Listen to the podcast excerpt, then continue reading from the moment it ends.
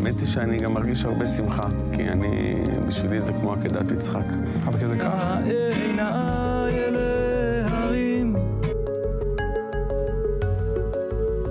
תנסו לייצר משהו שמחייב אתכם, שמאלץ אתכם. בלי זה...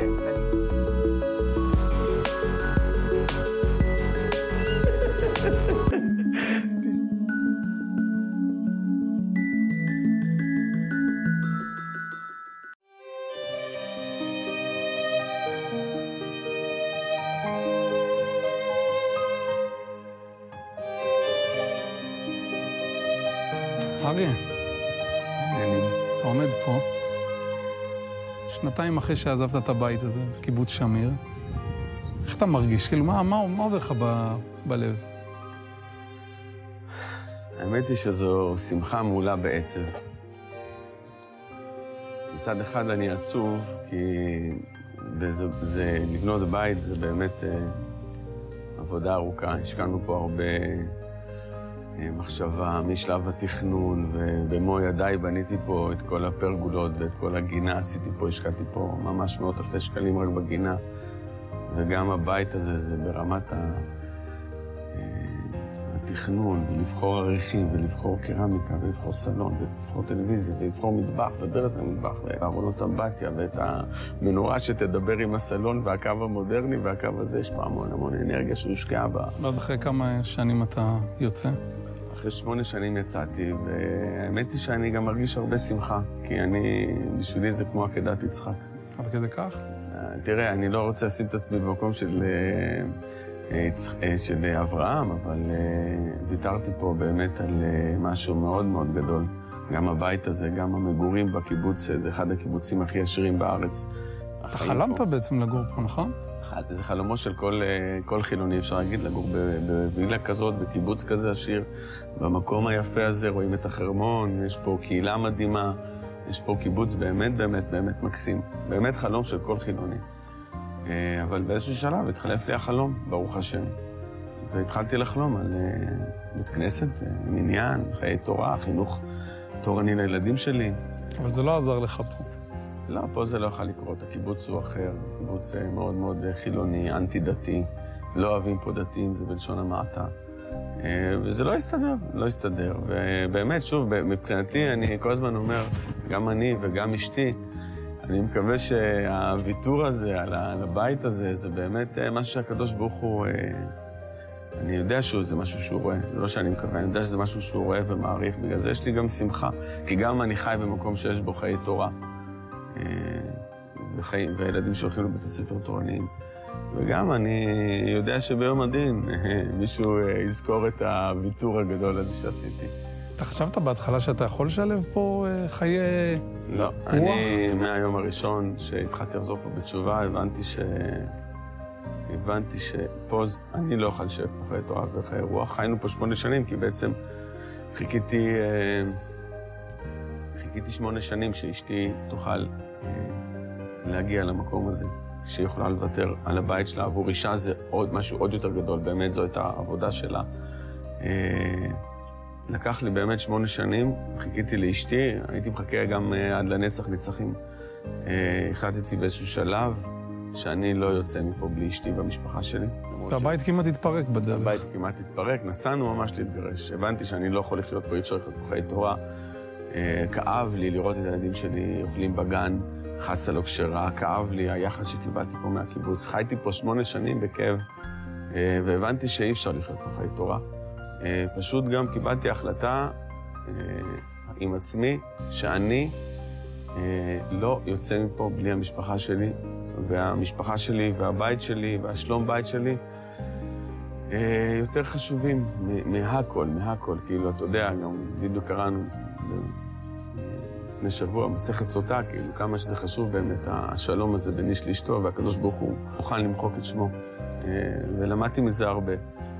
ואמרתי, אני לא יוצא מפה אה, בלי המשפחה שלי, כמה זמן שזה ייקח, זה ייקח. אה, אה, וזהו, באמת, אה, באמת יש לי שמחה גדולה. אה, אבל יש לי, גם כשאני רואה את הבית הזה, יש לי המון המון עצב. זה, אני מהידיים בניתי פה הכל, אני כאילו חפרתי פה את הגומות להשקיה, עבדתי פה חודשים על גבי חודשים, לא הלכתי לעבודה, ופשוט בניתי פה את הגינה וגבס בתוך הבית, חודשים על חודשים, זה כאילו, זה מין פרויקט כזה שלא נגמר, נתתי לו הרבה מאוד אהבה, ובסוף העליתי את כולו אה, השמיימה למען השם. מה העניינים? היי, מה העניינים, נעמה? וואו, בואנה, איזה יופי עשיתם פה. איך אני שמח שהבית שלי הגיע לידיים טובות. זה כאילו העברתי את הילד שלי, ועכשיו שאני רואה איך מטפלים בו, אני מה זה שמח, תדעי לך. טוב. בדיוק שאלו אותי אם אני שמח או עצוב, אמרתי, שמחה מעולה בעצב. נכון. אז עכשיו אני עוד קצת שמח, כי אתם מטפלים בו טוב. אני רואה שאתם אוהבים אותו. מאוד. איך, איך בקיבוץ אה, מתמודדים או מתייחסים לעזיבה של אריה? גם, גם, גם שמח, גם עצוב. כאילו היה ברור שהוא לא יכול, הקיבוץ לא יכול להכיל אותו. ומצד שני, המשפחה שהייתה מאוד אהובה פה. אה, אני יכול להגיד לך בצורה מאוד מאוד ברורה, שאף בן אדם בקיבוץ פה לא יודע מה אני עברתי פה אה, במהלך החזרה בתשובה שלי. אה, נאלץ למכור את הבית הזה. זה לא משהו פשוט. כלומר, אף אחד לא יודע מה עברתי ואת הקשיים שהיו לי ואת ה... אה, הבידוד החברתי, כל הדברים האלה. באמת, באמת, אף אחד בקיבוץ אה, לא יודע אה, מה עברתי. כאילו, נעמה אמרה ש...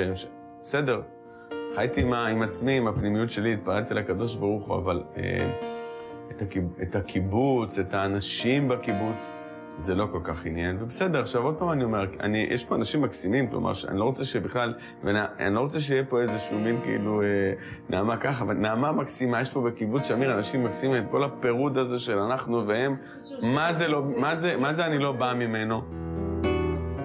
ראית את הבית?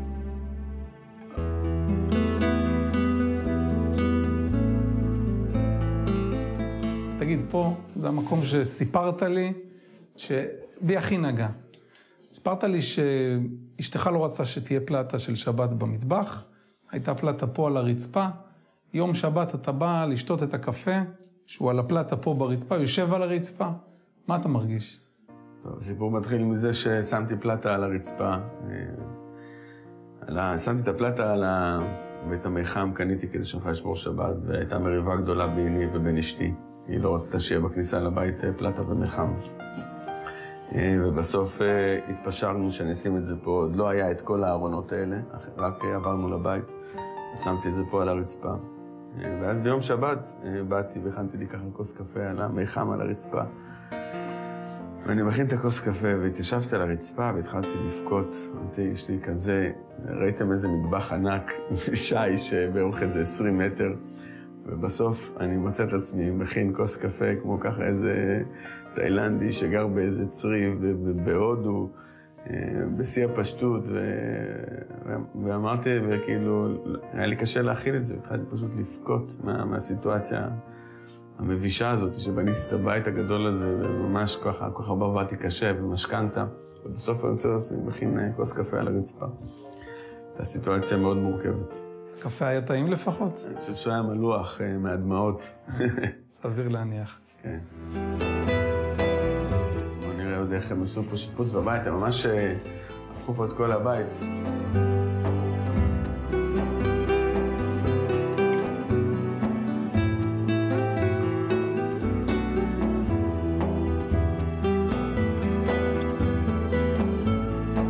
תגיד, אז כמה זמן אתם גרים פה?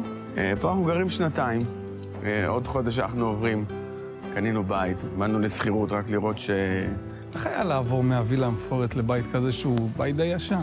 תראה, כשמכניסים את הקדוש ברוך הוא למשוואה, אז כבר uh, זה שווה. אם, אם אין את הקדוש ברוך הוא בפנים, אז כמובן שאתה יודע. טוב, אריה, אנחנו עכשיו פה בבית שלך, בקריית שמונה, התמקמתם פה, עזבתם את הקיבוץ, אבל משהו אחד חסר לי מהשיחה בקיבוץ. איך בכלל זה התחיל? אתה יודע, אתה מוקף בכל האווירה הקיבוצית, איך, איך בן אדם חוזר שם בתשובה? אה, אז באמת הגענו למצב שככה היה לי, ברוך השם, אה, נהניתי מכל החיים הגשמיים, גרתי בקיבוץ טוב, לי, יש לי עסק, אה, ברוך השם, טוב פה בקריית שמונה, פרנסה טובה. אתה יודע, כל הזמן, כל הזמן מחפשים מה עוד, מה עוד יטעין אותנו, מה עוד יטעין אותנו, מה עוד יטעין אותנו. ואז חבר אה, לקח אותי לאיזה, הציע לבוא איתו לסדנת מודעות ברמת הגולן. אה, בחורה יקרה, אישה יקרה, קוראים לה עליזה בן דוד. אה, ושם בסדנה שלה בעצם התחלתי, אתה יודע, לחפור לאט לאט, לקלף את הבצל, לקלף את הבצל, להיכנס פנימה, מי אני, מה אני, לראות רגשות, לחפש את המקום של הלב ולא של השכל. אה, ובאמת, עשיתי את הסדנה הזאת פעמיים, ועשיתי אצלה קורס מנחים, ולאט לאט, הרבה, זו, הרבה, זו עבודה מאוד מאוד קשה. במהלך החיים שלנו אוטמים את הלב שלנו כדי לא להיפגע מההורים שלנו, מהסביבה שלנו, ואנחנו לא מאפשרים לעצמנו להיות אה, אנחנו, מה שאני. ובסדנה הזאת, לאט לאט באמת, ככה במקום הזה הצלחתי לקלף את עצמי ולדעת מי אני ומי אני ומי אני, אני. סדנאות מודעות זה לא בהכרח סדנאות אה, אמונה. נכון, אבל ברגע שעושים עבודה נכונה, בהכרח אתה מגיע בסוף, בסוף, בסוף, בסוף, בסוף, אתה צריך להגיע למקום הטהור והאמיתי, שזה כשאתה יודע, מקלפים, מקלפים את כל הקליפות, מגיעים לאמצע של הבצל, ושם יש מה שאנחנו קוראים הניצוץ האלוקי. באמת בסוף גיליתי את החלק האלוקי שבי, את הניצוץ האלוקי. גיליתי את הקדוש ברוך הוא. היה איזה רגע אה, ממש ממש מכונן. אה, שלווה בהמון בכי והמון... אה, המון... אה, מה זה הרגע הזה? מה, מה הוביל אותך לרגע הזה?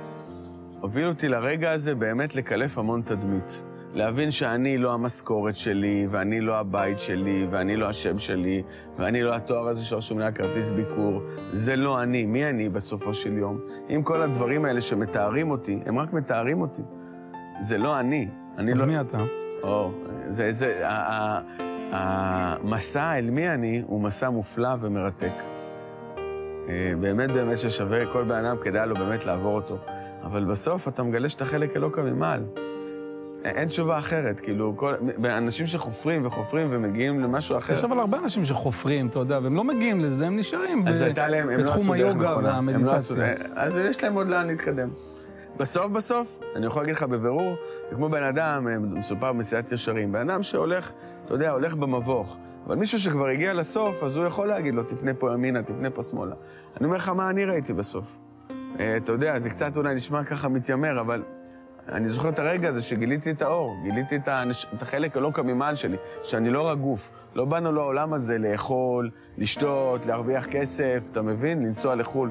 באנו, לה... הבנתי שבאנו לעולם הזה לעשות משהו אחר, יש פה, יש פה נשמה. גיליתי שיש לי נשמה. אתה מתאר את זה בצורה פסטורלית, כאילו גילית הערה וזה, אבל בפועל, החיים היו הרבה יותר קשים. דיברנו על זה שאתה היית בסביבה קיבוצית, גם מבית היו לך בעיות. זאת אומרת, אשתך, איך היא קיבלה את זה? בכלל היה על מה לדבר? תשמע, קודם כל, כשחזרתי בתשובה, ושמעתי הרבה פעמים את המילה, התחרפנת? כאילו, ואנחנו שומעים את זה הרבה פעמים, בן אדם שחוזר בתשובה, פתאום, אתה יודע, זה, פתאום הוא שם בגדים אחרים, הפאות, הוא הולך ליער, מדבר עם איזה חבר דמיוני, החבר הזה גם עוד עונה לו, והוא בא הביתה ואומר, דיברתי עם הקדוש ברוך הוא, וזה, זה, זה נשמע באמת אה, כאילו בן אדם מתחרפן בעיני העולם הזה, מה שנקרא. אז גם אשתך חשבה ככה? כן, גם אשתי חשבה ככה, גם ההורים שלי, אני, אני, אני לא מאשים אותם. אני מבין למה זה קורה. אה, הרבה פעמים אני רואה בעולם התשובה, אנשים מגלים את עצמם ורצים עם עצמם קדימה. הם... אה, אני כל הזמן אומר שאנחנו, הקדוש ברוך הוא, אנחנו בעצם מגלים את הכיוון שאנחנו רוצים להגיע אליו, אבל צריכים לזכור שהקדוש ברוך הוא, יש לו את הקצב שאנחנו צריכים לעשות את הדברים. כלומר, אנחנו לא קובעים את המהירות. ולפעמים כשבן אדם רץ מהר יותר ממה שהקדוש ברוך הוא רוצה, פה בא המקום הזה שהתחרפנת. אולי ב- בקיבוץ אתה ניסית לקבוע את המהירות מהר מדי. תראה, בהתחלה ניסיתי לקבוע את המהירות מהר מדי, גם בהתחלה אני רצתי. היו לנו המון חיכוכים בבית. אשתי לא רצתה שאני אשים כיפה, אני אוהב אותה לגמרי, אני מוסר אה, מודעה שאשתי, אני אוהב אותה ומת עליה, והיו לנו חיכוכים, אני, כי שתינו באנו מהעולם הזה, גם אני הצבעתי מרץ, הייתי אה, חילוני, שמאלני, כלומר, שתינו היינו קיבוצניק בתפיסה הזאת, ואני בהחלט מבין אותה, אה, מה היא ראתה. אה, אני התחלתי לרוץ מהר מדי, גיליתי את האור, נמשכתי אליו כמו פרפר לאש, כמו כולנו. רציתי חיי תורה, רציתי כיפה, ציצית, שהילדים שלי יחזרו בתשובה, שהילדים שלי לא יאכלו אוכל לא כשר, אתה מבין? הייתי הולך לגן ורואה את הילדה שלי אוכלת חסר שלא עברה הכשרה, והייתי אומר, אה, חמישה להבים, תולעים, כאילו, כל זה, זה בכל רגע נתון. האוכל הלא כשר בחדר אוכל. אה, ואז אה, נוצרו המון קונפליקטים. איך אתה התמודדת, נגיד, סתם, סיטואציה יומיומית, חדר האוכל? תראה, ככל שהתחזקתי, אכלתי פחות דברים בחדר אוכל. הגעתי למצב שאני בערב שבת מגיע לחדר אוכל רק כדי להיות עם המשפחה שלי, כבר הייתי עם כיפה. נכנסתי לחדר אוכל כזה, ולא היה לי מה לאכול. באתי מסביב, כי היה דלת אלקטרוני, צריך להיכנס דרך המטבח, אבל אתה יודע, הם הלכו לחדר אוכל. נשארתי, לא יכולתי להישאר לבד אה, בחושר בבית אה, לבכות.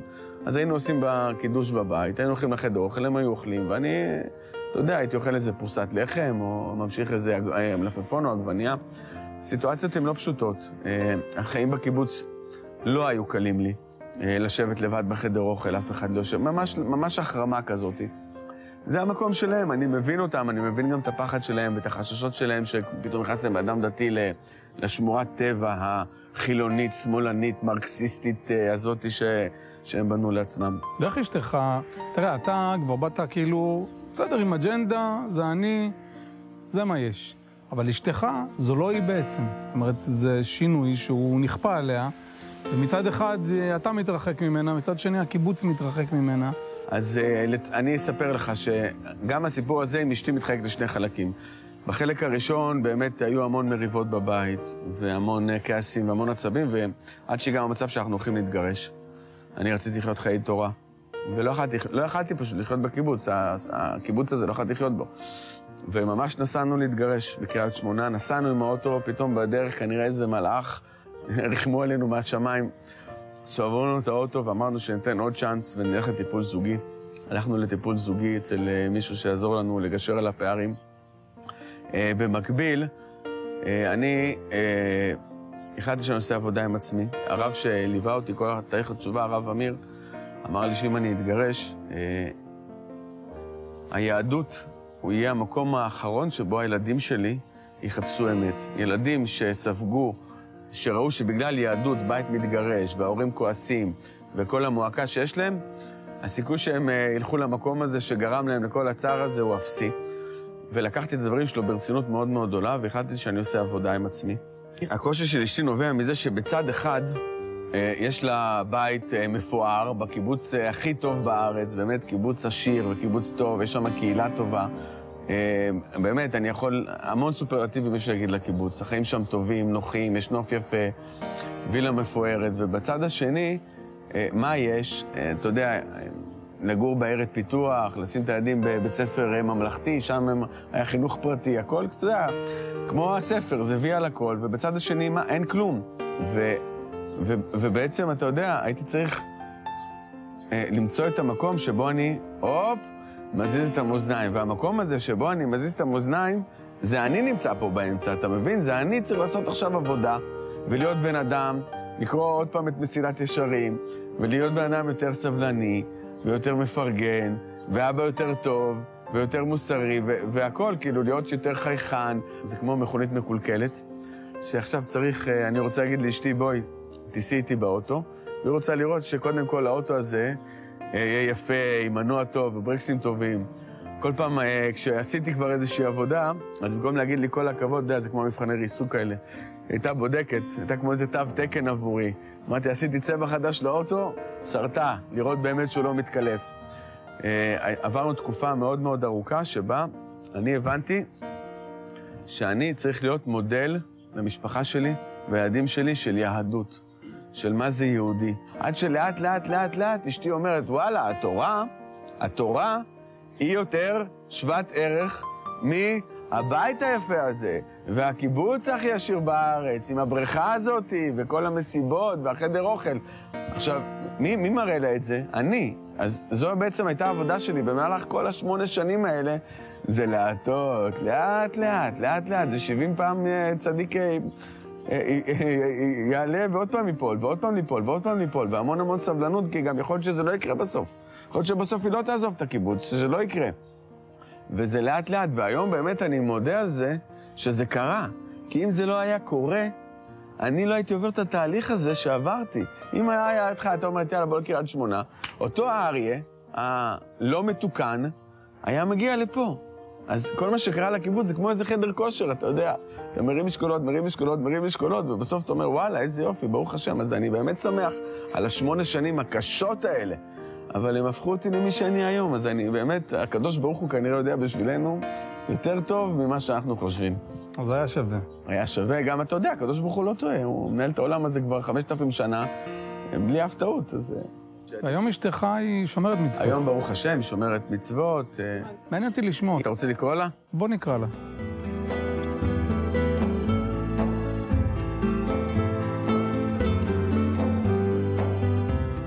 שלום. שלום. אז אנחנו שומעים עלייך כל כך הרבה מאריה, אבל אני רוצה באמת לשאול באופן הכי ישיר, איך את, אריה מילא, את יודעת, הוא ראה את האור, חזר בתשובה, חשב שכולם צריכים לראות את האור בקצב שלו, אבל את מצד שני, בפינה שלך, באג'נדות שלך, עזוב אותי מהשטויות שלך. כאילו, אתה מסכסך אותנו עם הקיבוץ, אתה... מה, מה אתה עושה? איך זה נראה מהעיניים שלך? זו, זה דבר ראשון שאני רוצה להבין. כן. ודבר שני, זה איפה נוצר השינוי בעצם, כי לפי איך שבהתחלה ההתנהלות, זה עלול ליצור אנטיגוניזם, אבל איך לקחת את זה בצורה קצת יותר אה, מפוקחת ויותר, אה, לדעתי זה יותר אה, נבונה, ולא לראות רק את האנטיגוניזם, אלא לראות האם זה נכון או לא נכון. האם אריה התחרפן, או שאולי בעצם זו, זו באמת הדרך. אז כן, באמת שבאמת זה, זה ת- היה תהליך ארוך, אבל בתוכו אני כל הזמן בדקתי את אריה. והיו לנו גם משברים, הי- היינו צריכים אה, לעבור טיפול זוגי, היו חיכוכים. אבל בר- ברגע שהאהבה והדבק הזה היה, חש... היה חשוב לשנינו, ואני ראיתי שבאמת אה, אני, אני והילדים כרגע מקום אה, ראשון לפני הקדוש ברוך הוא, התחלתי יותר לאהוב ולהתקרב גם בעצמי לקדוש ברוך הוא, כי ראיתי את השינוי שבעלי עובר. ובאמת, זאת אומרת, שינוי ברוך, של מידות? ברוך השם, ב- בסבלנות, בכבוד לבני הבית, ב- בדרך ארץ, במידות. אריה, פעם לא הייתה לך כל כך דרך ארץ? לא. לא כמו היום. כל העניין של לחזור בתשובה. מה זה לחזור בתשובה? לחזור בתשובה זה להיות בן אדם יותר טוב. נקודה. זה, זה כל מה שכתוב בספר הזה, שאנחנו פותחים אותו. זה, זה לחזור בתשובה. כאילו... ואני שמח שכל בני הבית באמת ראו את זה. הבת שלי חזרה בתשובה, אחר כך אה, הבן שלי חזר בתשובה. כל פעם מישהו מבני הבית החליט שהוא שומר שבת. לגרום לבני הבית לשמור שבת בלי להגיד להם אף פעם, אתה מחלל שבת. זה אסור, זה מותר. כלומר, לגרום להם להסתכל עליי ולרצות גם להיות ככה. כלומר, רק לחנך אך ורק מתוך דוגמה אישית, כי היה בינינו חוק שאסור לי להחזיר את בני הבית בתשובה. כלומר, אסור להגיד לאף אחד שום דבר. אה, זה החוק בבית. ויותר כדי כך? מזה, כן. הש, השינוי, באמת, אה, שגר, שאלת מה, מה שינה אצלי את העמדות, שביקשתי מאריה שב- שבעצם לא ינסה לשנות אותי, להגיד, להגיד לי לחזור בתשובה. נכון, הוא ראה את האור, הוא נורא רצה שגם אני אלך, אבל זה היה מלחיץ, שזה לא בא ממני, שזה מהאור שלך, זה לא, זה לא זורם.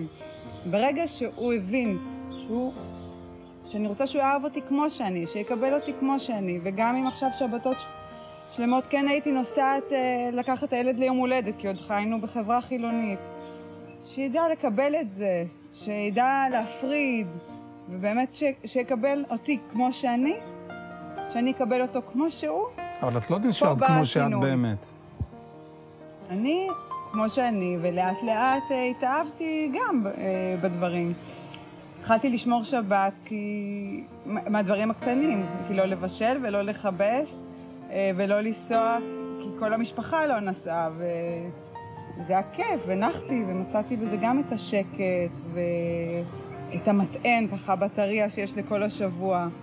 לזוגיות, אה, תהליך תשובה תורם? אה, ברוך השם. מה מה יש לדבר?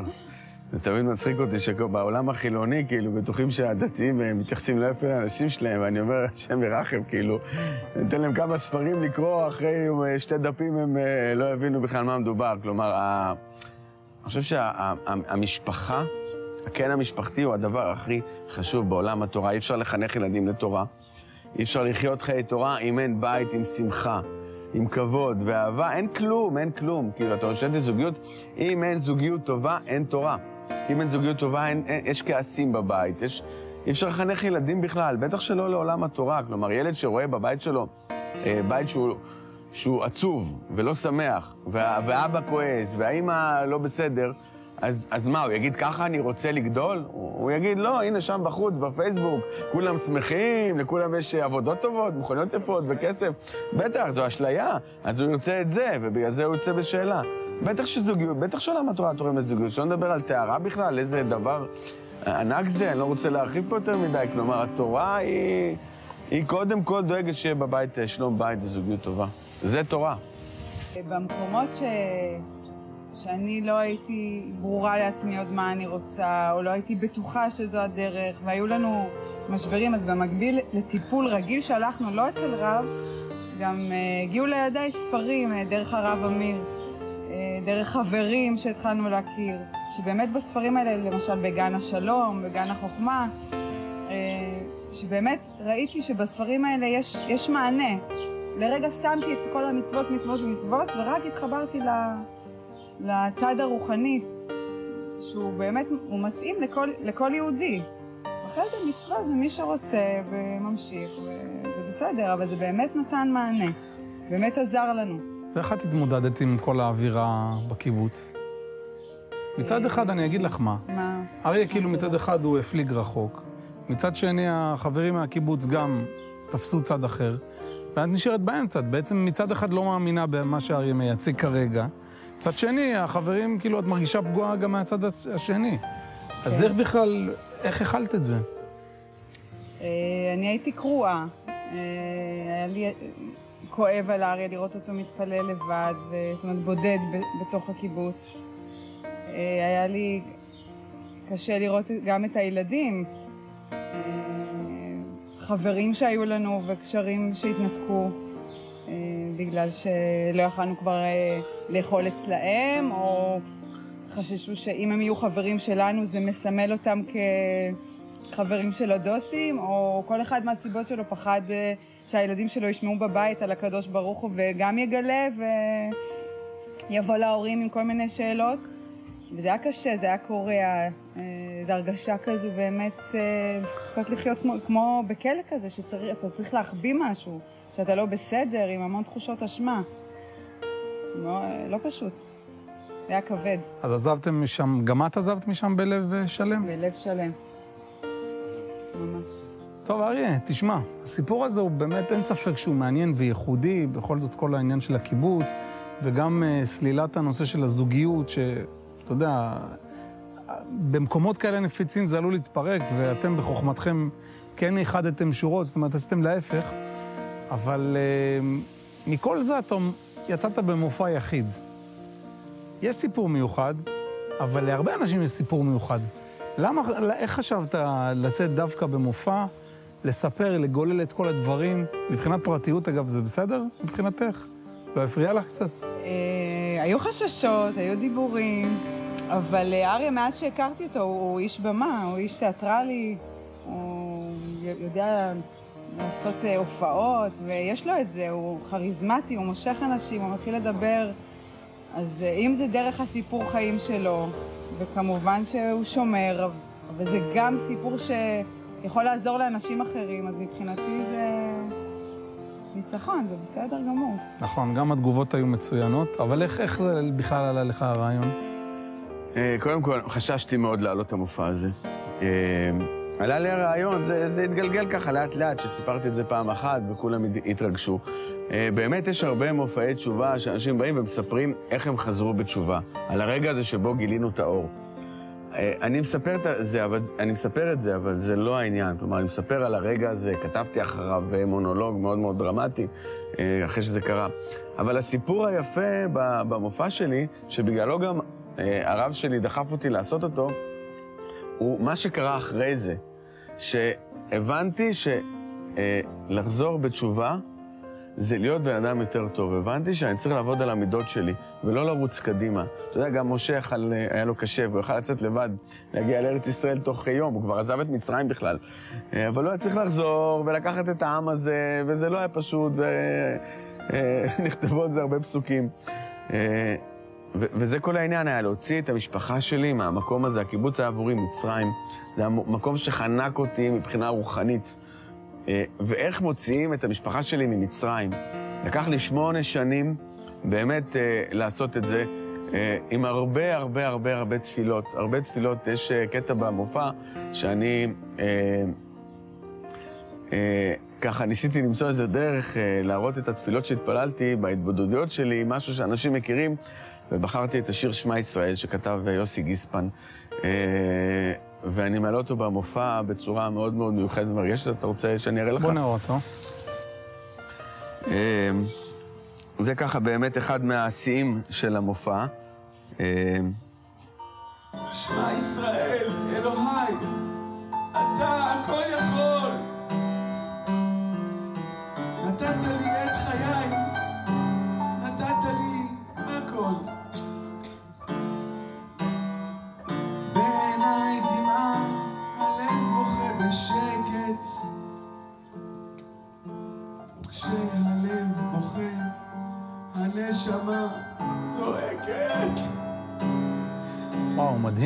מדהים. זה סרטון מהמופע הבכורה שעשיתי פה בקריית שמונה. אשתי ליוותה אותי בפסנתר, היא מטפלת במוזיקה, אה, ביקשתי ממנה, ובאמת זה הקטע מאוד מאוד מרגש. כולם אה, כמעט אה, בכו בקהל.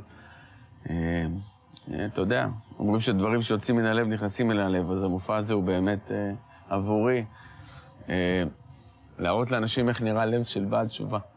טוב, לפני, לפני פרידה, ככה יש לך אנרגיות, אני שמתי לב לאורך כל הרעיון, מאוד מאוד של לקרב, להראות מה זו היהדות האמיתית. יש איזה סרטון ויראלי שרץ ברשת, גם אצלנו בהידברות הכנסנו, שאתה עם האופנוע והקסדה, אולי אתה מוכר לחלק מהצופים, אז הנה, הם ידעו שזה משם.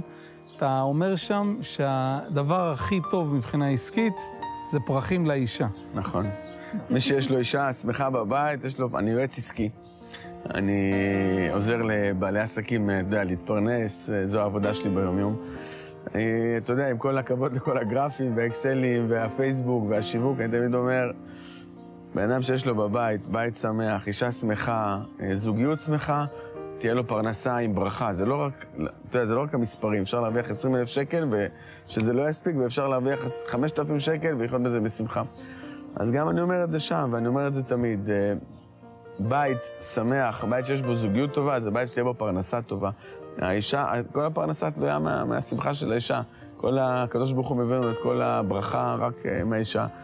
וזה דבר שחשוב מאוד לדעת את זה. אני מקווה, אה, אני מקווה להעביר את המסר הזה, באמת, אה, אתה יודע, עם ה, לרוץ עם המופע הזה, ולהעביר את המסר הזה, ומה זה הסיפור הזה, כמה זה חשוב באמת שחוזרים בתשובה. אה, לשים דגש על השלום בית וכמה הוא חשוב, ולהעביר את המסר הזה לכמה שיותר אנשים, אה, להופיע ולהראות את זה. מה שאני ככה, אה, אתה יודע, זכיתי בו, אני, חשוב לי באמת באמת שעוד אנשים מעם ישראל ועוד יהודים יזכו לראות את זה. טוב, אז בדרך הזאת הם אה, באמת יראו את זה. אני מאוד מודה לכם. אני רוצה להגיד לכם תודה. שהכנסתם אותנו תודה לסיפור, שבאתם. לבית. תודה. אה, שיהיה המון בהצלחה. תודה. אבל לפני שהם יעזבו, הצופים, בוא נראה את הסרטון הוויראלי שלך. יאללה, בכיף. אהלן, כאן אריה אקרמן, ליווי עסקי. הטיפ העסקי הראשון שרציתי לשתף אתכם הוא ההשקעה הכי טובה שאתם יכולים לעשות בכסף שלכם. 150 שקל בחודש, יותר טוב מ Google AdWords, יותר טוב מפרסום בפייסבוק. הדבר הכי טוב שאתם יכולים לעשות זה, תאמינו או לא, לקנות פרחים הביתה ביום שישי. כי הפרנסה שלכם מתחילה בברכה שיש לכם בבית מהאישה. ותדעו לכם שאם יש אישה שמחה בבית, אז הפרנסה באה בקלות. ואם יש בבית אישה שהיא לא שמחה, אז לא משנה כמה כסף מרוויחים, זה אף פעם לא שווה. אז אם אתה גבר ואתה רואה את הסרטון הזה, רוץ לקנה פרחים. ואם את אישה, תגידי לבעלך שיסתכל. בכל מקרה, שתהיה לכולנו שבת שלום. פה אני נפרד מכם. סיימנו את הרעיון הזה עם אריה, על גדות הנחל הזה, שעובר עובר ממש ליד הבית שלו. ואני חושב לעצמי שהיו כל כך הרבה סיבות לאריה להגיד, סטופ, אני לא רוצה את זה. החברה נידתה אותו, האנשים החושבים בקיבוץ לא חשבו באמת לפי הראש שלו, ממש כמעט גירשו אותו. המשפחה שלו כמעט התפרקה. אבל למרות כל הסיכויים הוא נאבק וניצח. זה סיפור של ניצחון. וזה מה שמרגש בכל הסיפור הזה. אתה הכל יכול, נתת לי את חיי